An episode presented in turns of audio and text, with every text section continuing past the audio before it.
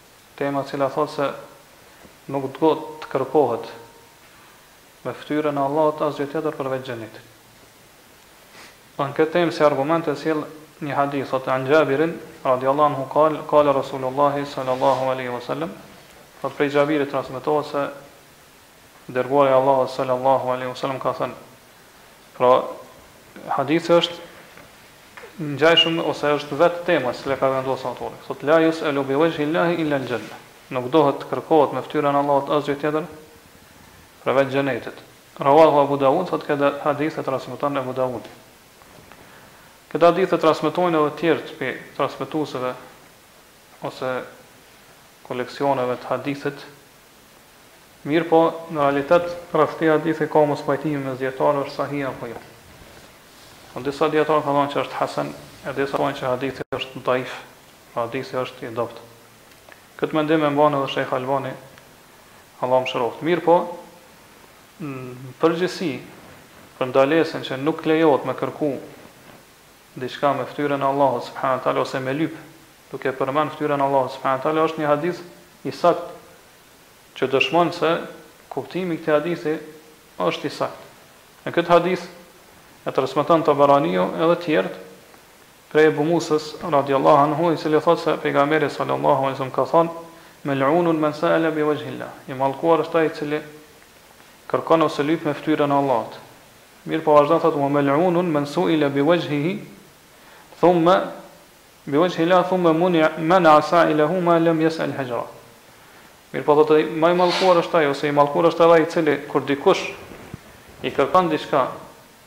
Me ftyrën e Allahut subhane teala ai nuk i jep.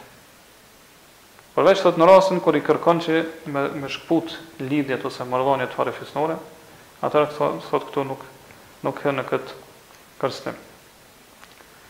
Po në këtë përshtatshmëria e kësaj teme me librin e Tauhidit ose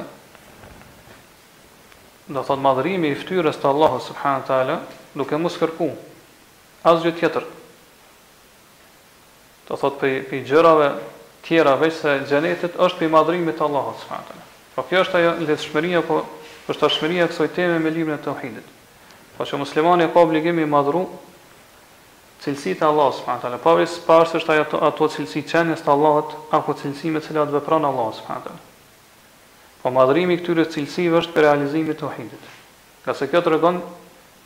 Që muslimani e madhëron Allahun edhe e plotëson atë sjelljen obligative që e ka në raport me Allahun subhanahu wa taala. Ndërsa ai që nuk i madhëron cilësitë e Allahut subhanahu wa taala, atëherë kjo tregon që ai ka mangësi në tauhid. Pra ai realisht e ka nënvlerësu Allahun subhanahu wa taala, pra nuk e ka respektu dhe madhëru vetë Allahun subhanahu wa taala.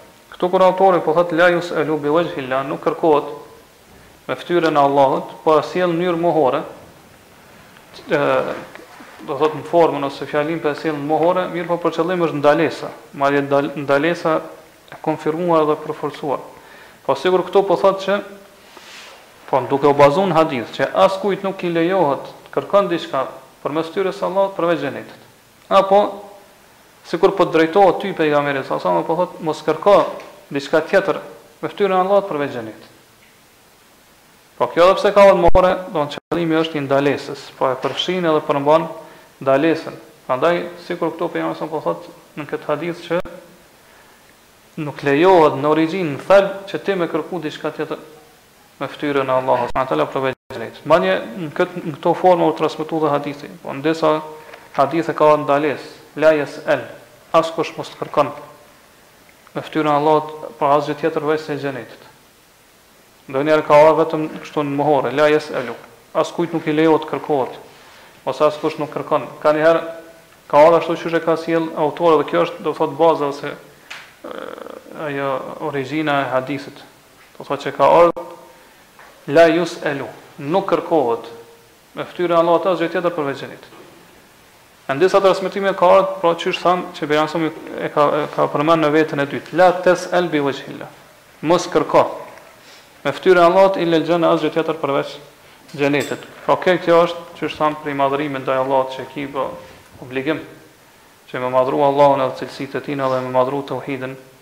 e Allahut subhanahu wa taala.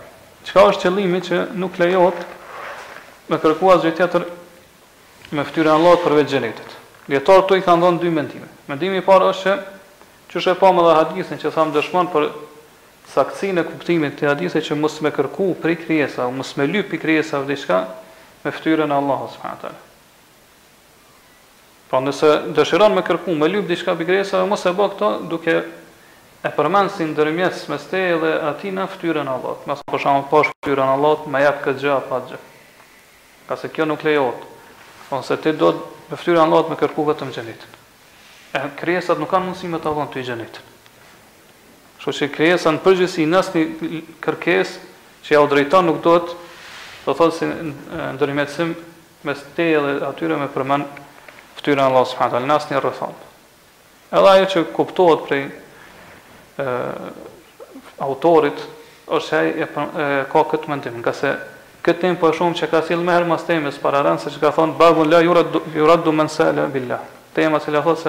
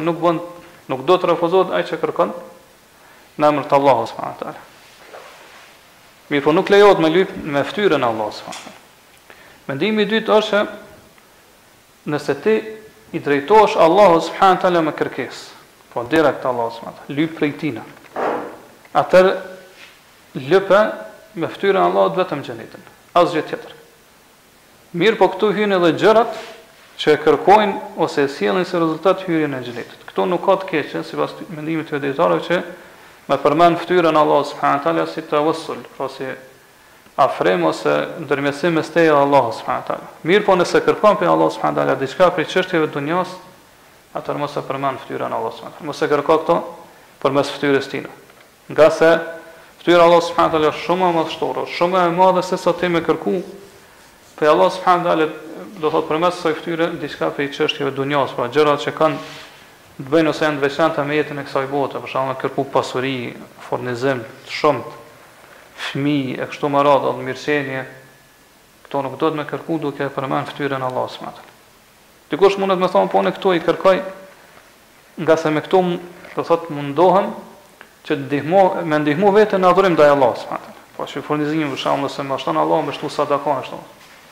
Hadithi është i përgjithshëm. Po nuk ka dyshim që çdo gjë prej ose gjitha prej nevojave të dunjos nuk lejohet me kërku prej Allahut subhanahu wa taala duke e, e përmend fytyrën e tij ose përmes fytyrës të Allahut subhanahu wa taala. Hadithi e ndalon këto. Po nuk do të arsye të arsyetojë njëri me thonë vallah unë tash me këto të mira e ndihmoj veten në adhurim ndaj Allahut subhanahu wa taala. Pra vetëm çështjet e ahiretit kërkohen përmes fytyrës të Allahut subhanahu wa taala. Për shembull, me thonë Allah do thotë me, me ose pash fytyrën tonde, pash këtë cilësi e kështu me radhë, ma jep xhenetin ose më mbroj pi zjarrit xhehnemit, më largo pi zjarrit xhehnemit. Edhe vetë pejgamberi sallallahu alaihi wasallam në disa raste ka kërku mbrojtje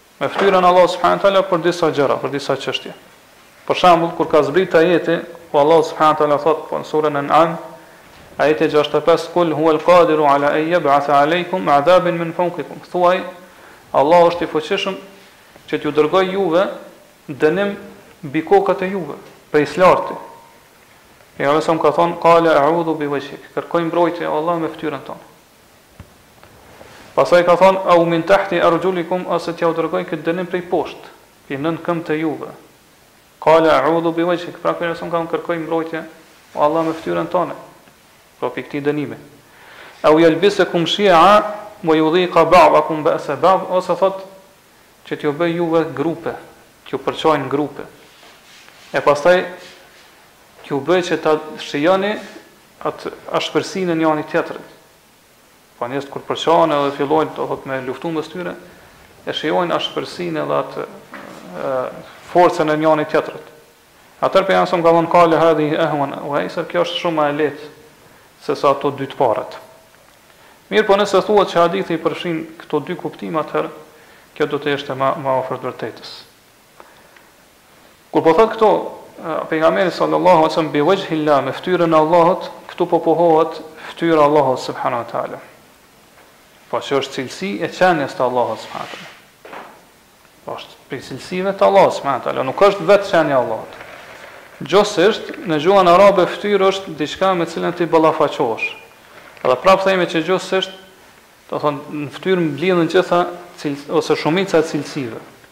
Të fytyrë ose ajo me të cilën ti arabisht thuhet vexh që ballafaqohesh me të.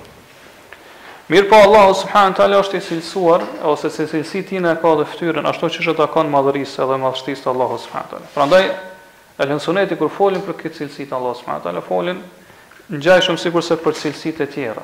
Ashtu siç i pohojnë cilësitë e tjera, e pohojnë edhe këtë cilësi të Allahut subhanahu wa taala.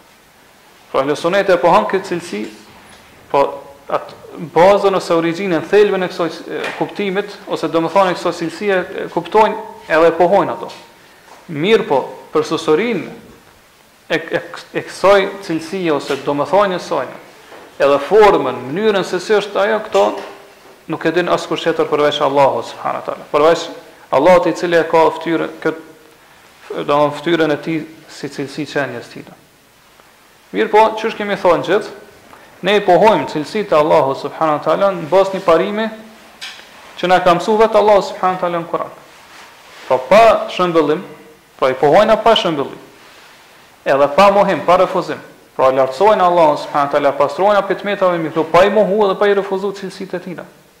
Po qysh thamë ashtu qysh i takon madhështisë dhe madhërisë të Allahut subhanahu wa taala, pa iu dhënë formë edhe pa i shëmbëllu cilësitë e tij me krijesat e Allahut subhanahu wa taala. Cili është ky ajet që Allahu subhanahu wa taala na ka mësuar këtë parim?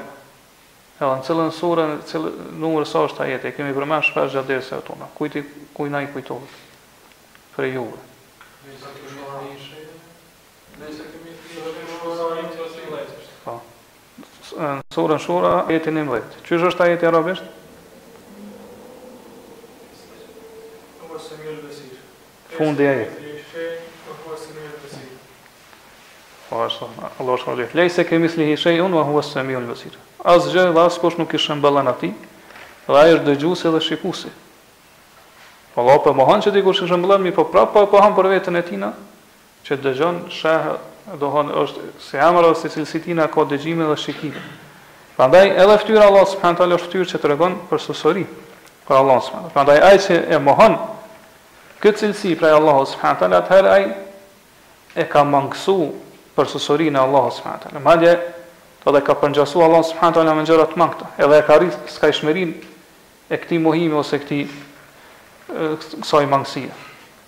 Qysh veprojnë disa prej prej, do të thotë, sekteve në islam që ose i mohojnë edhe i refuzojnë gjithë gjitha cilësitë e Allahut ose disa prej tyre.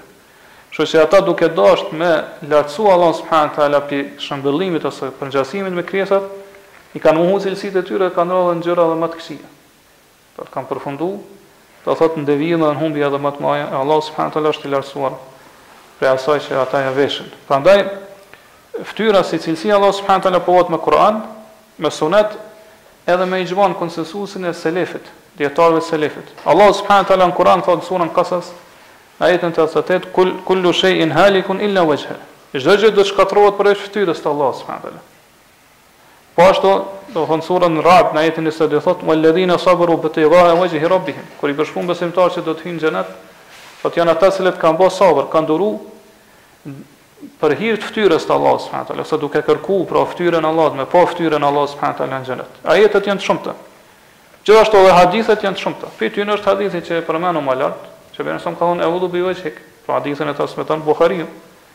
Kërkoj mbrojtje o Allah me fytyrën tënde.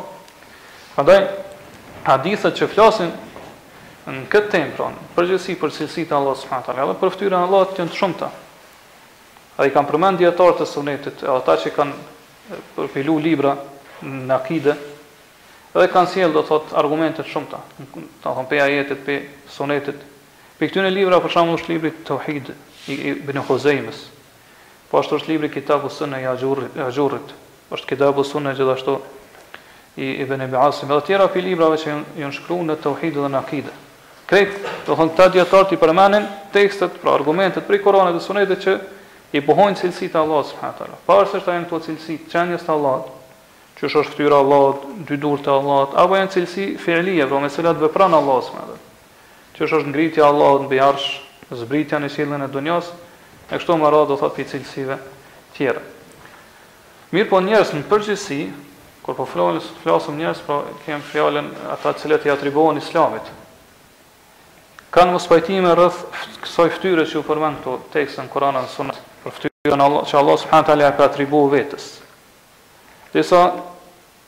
Kanë thënë që është fytyrë e vërtetë, reale. E thamë kjo është akidja e Ehli Sunetit. Disa kanë thënë që kur flitet për fytyrën e Allahut subhanahu wa taala në Kur'an se për qëllim është qenia e Allahut subhanahu wa taala, jo që Allahu ka fytyrë. Disa të tjerë kanë thënë që qëllimi me fytyrën e Allahut subhanahu wa taala është ajo gjë përmes cilës ti e kërkon do thotë shpërblimin te Allahu subhanahu wa taala. Nuk është fytyra e vërtetë. Ajo thonë për qëllim është ana.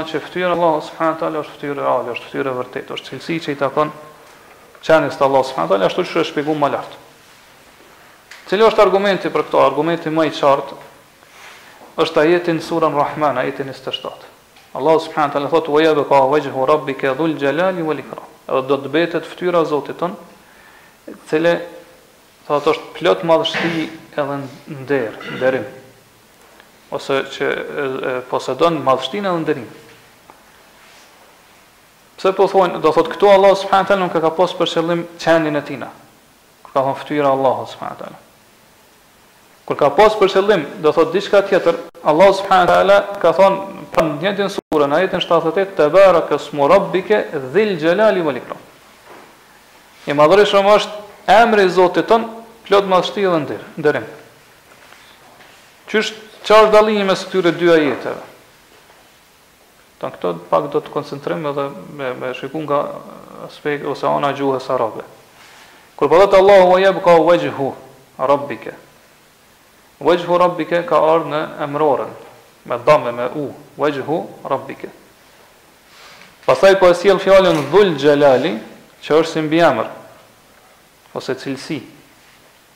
Do me thonë me u prap Dhul Xhelali, që tregon se kjo është cilësi e fytyrës të Allahut subhanahu wa taala. Nuk është cilësi e Zotit, Rabbike, se aty ka ardhur me kesre.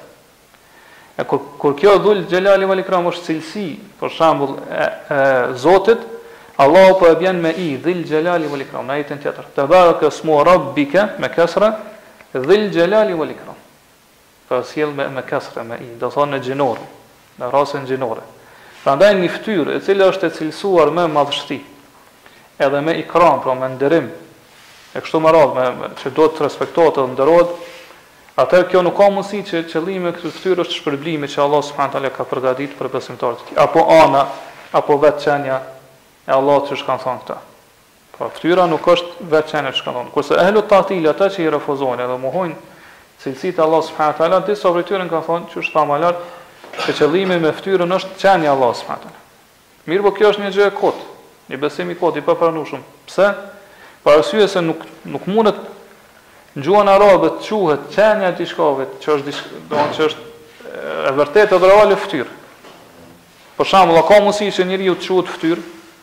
Po njeri është qenie.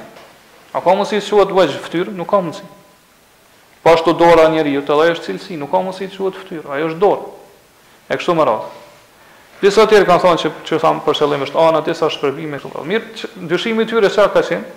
Kanë thënë nëse ne e pohojmë për Allahun që ai ka cilë, do të thotë si cilësi tina të vërtetë fytyrën, atëherë kjo sjell si rezultat patjetërsueshëm, si kuptim të patjetërsueshëm që ai është trup.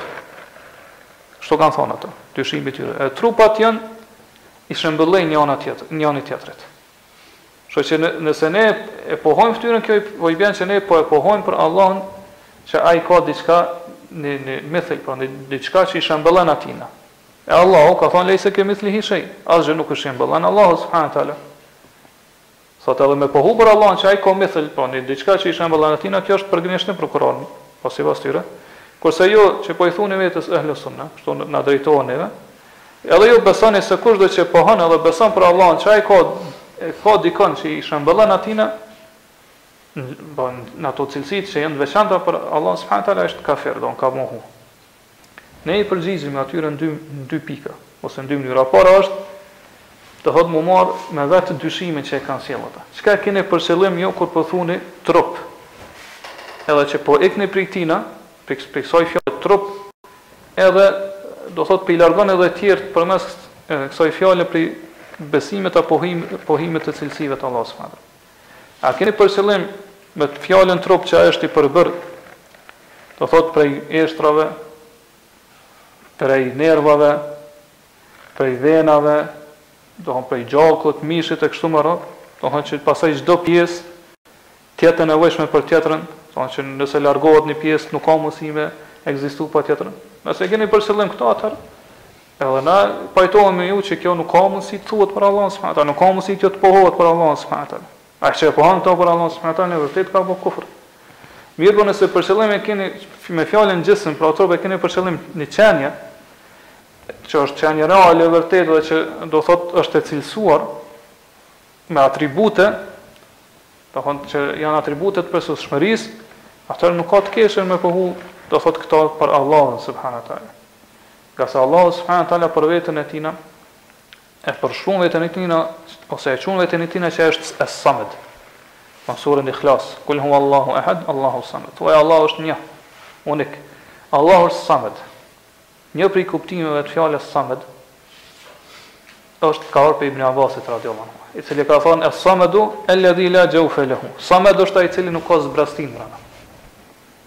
Sikurse njerëz, njerëz, krijesat e tjera, këta kanë zbrastinë. Do të thotë, çka ka qëllimi që ka zbrastinë? Që ka nevojë me hangër, me pi, pastaj mu liru prej këtyre. Do të thotë, Ibn Abasi po thotë, Allahu është Samed, nuk ka këtë zbrastinë. Mirëpo pra pohon që është qenie. Kështu që në këtë kuptim do thotë se Allahu subhanahu wa taala është qenie që i ka këto cilësi, nuk ka të keqe me pohu këto për Allahun subhanahu wa taala. E dyta, ose mënyra e dytë si këtyre i përgjigjemi është kur po thonë që trupat i shëmbëllojnë njëra tjetrës. Kjo është prej gënjeshtrave më të mëdha që ata e kanë thënë. Për arsye se ne e shohim që në me të vetë, mes vetë krijesave nuk ka shëmbëllim, do thotë mes trupave të tyre. Për shembull e, e marrim krahasimin mes bubrrecit, milingonës edhe, do thotë ariut ose elefantit. A ka shëmbëllim mes tyre? Nuk ka shëmbëllim në asnjë aspekt hiç. Ka dallim të madh mes tyre sa i përket madhësisë, sa i përket do thot ë for, fortësisë ose dobësisë e kështu me radhë. Prandaj, kështu po e shohim që argumenti që e kanë sjellë ata qysh në në në, në origjinë ose në esencë është i kotë. Prandaj edhe rezultati në të cilin kanë arrit ata përmes këtij argumenti është i kotë. Po s'kam thënë se kjo tregon shëmbëllim mes Allahut edhe krijesave t'Tina. Madje na e shohim edhe dëshmojmë që mes vetë njerëzve, domethënë pamja e tyre dallon. Asnjë prej njerëzve nuk është njëjtë me tjetrin, madje edhe ata që janë binjak kanë dallim mes tyre.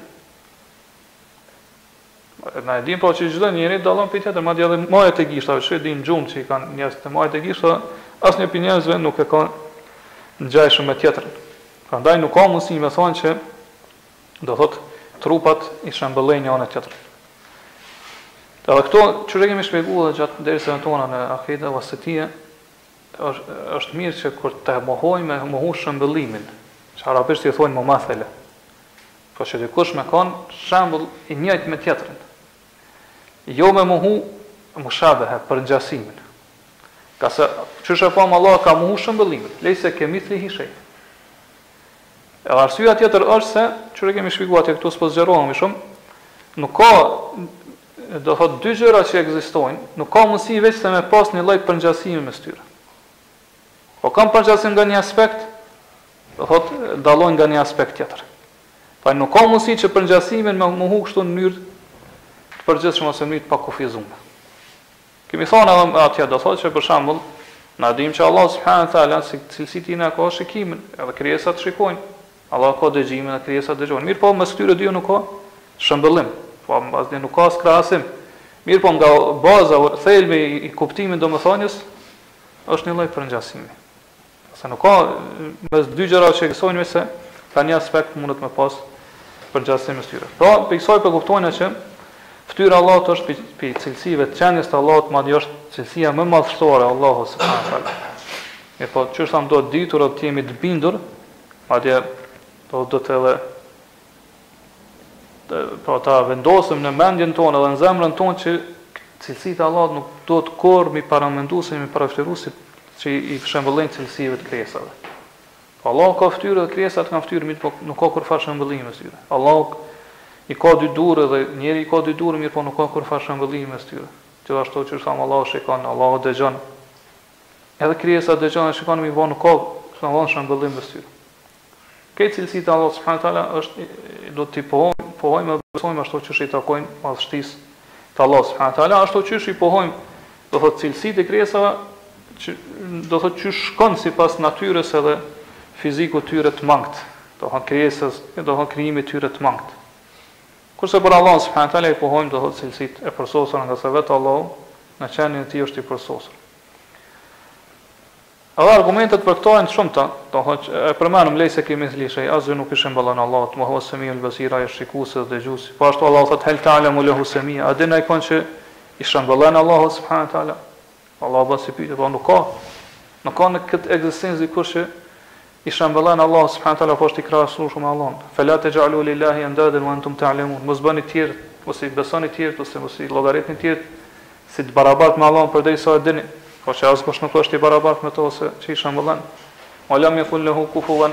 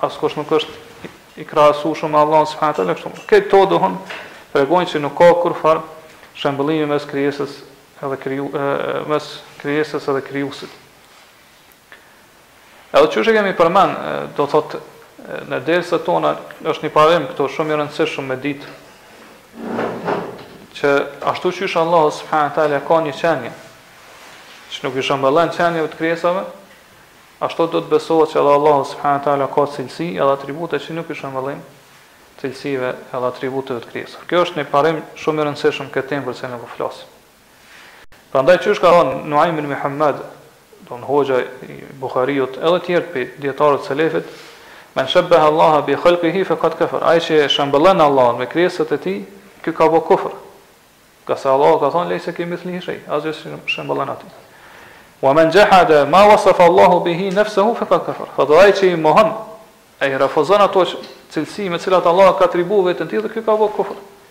Ngase thotë Allahu ka thënë Wahuwa semiul basir, Allahu është dëgjuesi dhe shikuesi. Kështu që do thotë duhet me pas kujdes ngase ai që i mohon cilësitë e Allahut e ka përgënjeshtruar Allahun, e ka përgënjeshtruar fjalët e Allahut, Kur'anin edhe sunetin e pejgamberit sallallahu alaihi wasallam. Edhe kjo është kufër. E prej imanit është me besu Allahun, melekët e Allahut, do me librat e Allahut, të dërguarit e tij, ditën e fundit edhe kaderin, qysh e dim gjithë. E prej besimit në Allahun, subhanehu teala është me besu edhe emrat edhe cilësitë e Allahut, që është amë, ashtu qysh i takon madhështisë së tij, po madhërisë të Allahut, subhanehu teala. Përndaj nuk lejot, kurrsesi që besimtari me leju në mendjen e tina, Ndonjë mendim që me përngjasu Allahun ose cilësitë e tij me cilësitë e krijesave. Do të me refuzu këto. Sa herë që vjen ndonjë vesvese, cytje prej shejtanit, do të me refuzu. Nuk do të me pas do thotë këtë mendim të keq në kokën tanë. E nëse ti do thotë ia lejon vetes këto ose vazhdon vet me ushqy ato, vazh, mundohesh me ditë se si janë cilësitë e Allahut e atributet e Tij në, do të thotë, me, me kuptu realitetin e tyre, atëherë kjo ta mangëson imanin. Kjo ta mangëson imanin edhe tauhidin tonë. Prandaj, qysh kanë thënë dijetarët, El mushabbihu ya'budu sanamen. Ai që e shembellon Allahun me krijesat e tij, ky e adhuron një idhull.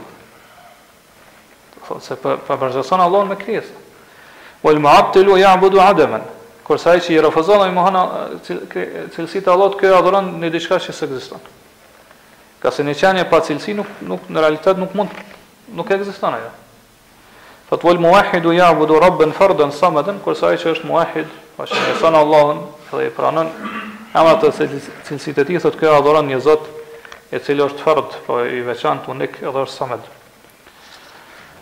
Pra kur po thotë pejgamberi sa la yus'alu bi wajhillah, nuk do të kërkohet me fytyrën e Allahut, këto po e pohon për Allahun që Allahu ka fytyrë, edhe që kjo fytyrë është vërtet madhështore, edhe do të respektohet dhe do të madhrohet. Po qysh thamë nuk do të që përmes kësaj fytyre me kërku çështje të ulëta pi interesave dhe dobive të kësaj dunjaje. Mirëpo do të kërkohen vetëm gjëra që janë madhore qysh është xheneti, pra xheneti është shtëpia, banesa e nderimit, Allahu e thotë darul kerame, pra është banesë, shtëpi me të cilën ka me i nderu besimtarët.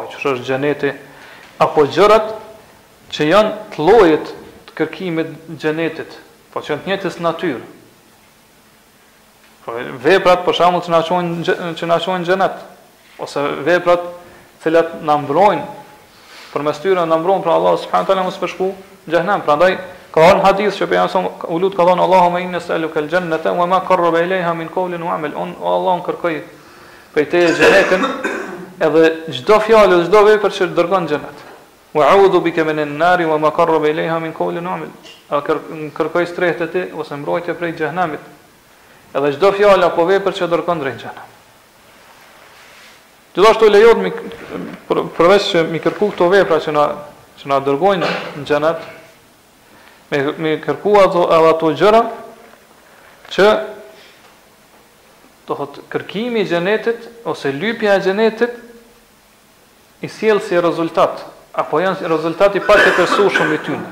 Për shembull, qysh thamë me na mbrojtë Allahu prej zjarrit të xhenemit, nëse Allahu na mbron prej zjarrit të xhenemit, atëherë patjetër të kemi përfundu në xhenet. Po ashtu me me me lutë Allahun subhanu teala që me na forcu kur të na marrin në pyetje, për shembull, ose në varr, Ose do thotë kur ndalemi para Allahut subhanahu teala dhe japim llogari. Po ashtu me lutë Allahun subhanahu teala, pra me fytyrën e tij është fjala që me na forcu në momentet e vdekjes, domethënë që me vdek me me iman, me vdek me islam e kështu me radhë. Prandaj ë sa i përket gjërave ose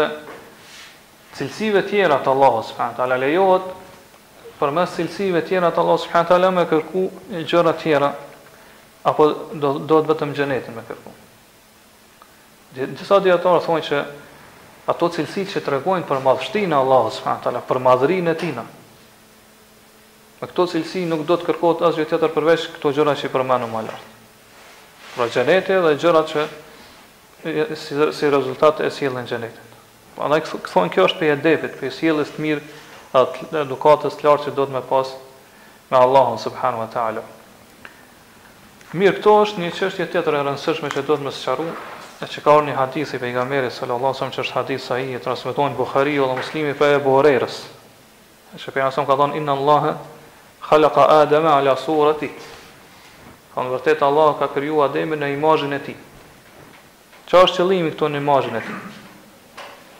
Na thamë që do thotë fytyra e Allahut subhanahu wa taala nuk i shëmballon fytyrës së krijesave. Përgjigja për këtë është që pejgamberi sa nuk e ka pas për qëllim që Allah e ka kriju Ademin në imazhin e tij. Ngase nuk ka mundësi të ketë shëmbëllim mes Allahut dhe Ademit me konsensusin e gjithë muslimanëve, edhe njerëzve të mençur. Me mendje shëndosh, ngase na e dimë që veç Kursia e Allahut subhanahu wa taala, pra që është vendi ku Allahu subhanahu wa taala i vendos këmbët e tij, ai ka përfshi qejtë edhe tokën, qysh ka ardhë në ajetul kursi. E qejtë edhe toka, në raport me Kursin e Allahut subhanahu wa taala, është sikur një unazë që hedhet në shkretin. E pastaj kursia e Allahut subhanahu teala në raport me arshin e Allahut është po kështu njëjtë. Do sikur një unazë që hedhet shkretin. Që ata merreni me mend sa i madhë dhe madhështor është vetë Allah subhanahu teala Zoti i madh. As kush pra nuk ka mundësi me parafytyru me paramendu ose me u mundu me përshkru Allahun subhanahu teala dhe madhështinë e tij. Prandaj ai që e ka i ka këto cilësi, ai ka këto atribute, ka këtë madhështi, nuk ka mundësi që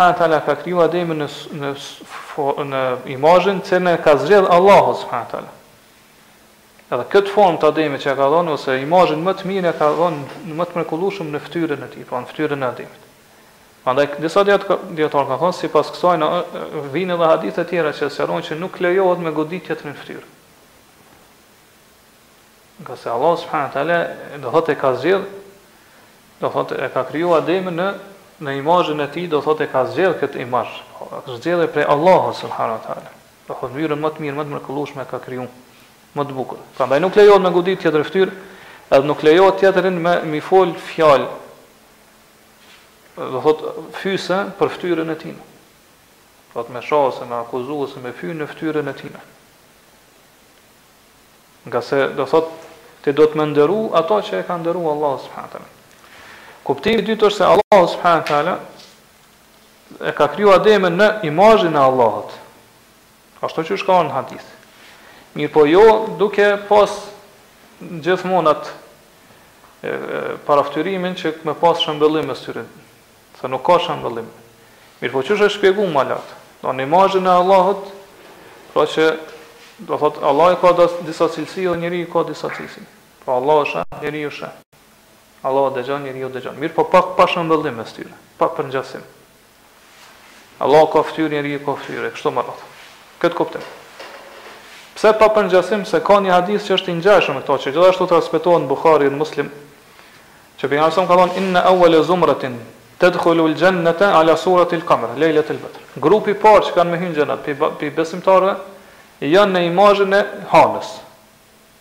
Kur ajo është, do të thotë, natën e Bedrit, kur është e plotë, domethënë natën e katërmbëdhjetë.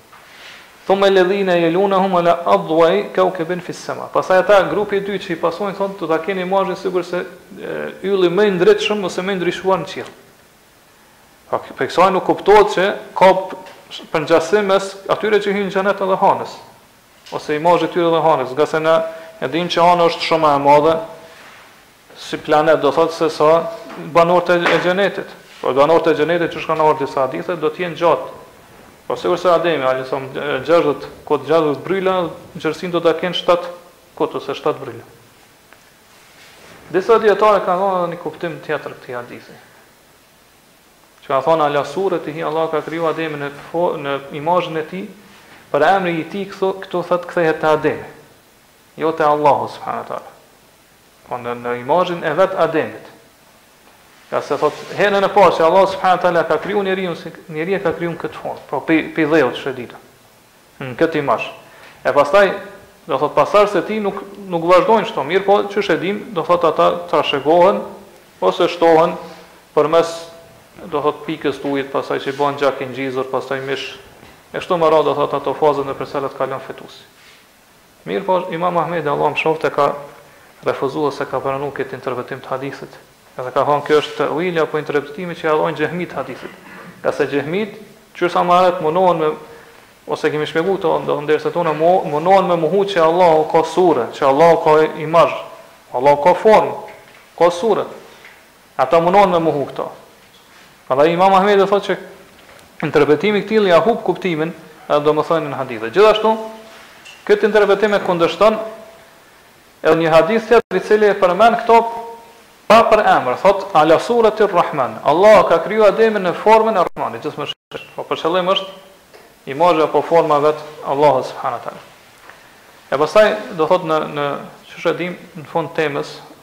Autori sjell edhe çështje që përfitohen prej asaj teme, thotë fihi mesail, kjo temë përfiton disa çështje.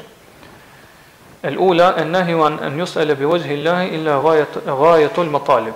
Pra, so, kjo temë na mëson se është e ndaluar që të kërkohet me fytyrën e Allahut çdo gjë tjetër përveç atyre gjërave që janë synime, që duhet të jetë synimi më i lartë ose do thotë gjërat më të larta, më madhore që janë.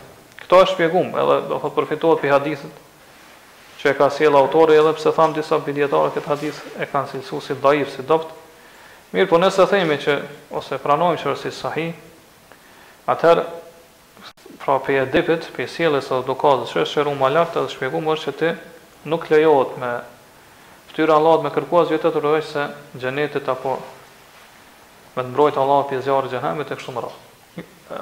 Imam Albani, domethënë Shejh Albani Allahu e mëshiroftë,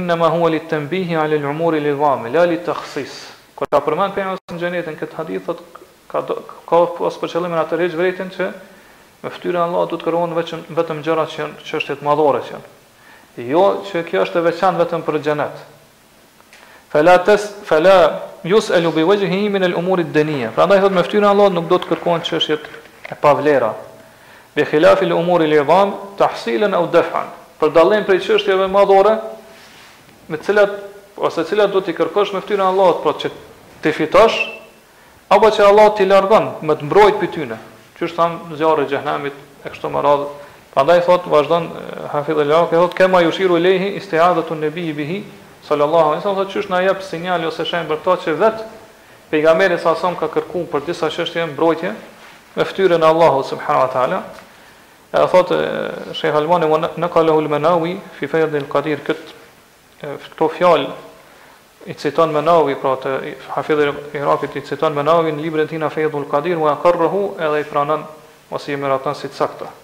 Mirëpo këtu mbetet një çështje që dikush me thënë përderisa hadithi është i dobët, atër pse autori e ka sjellë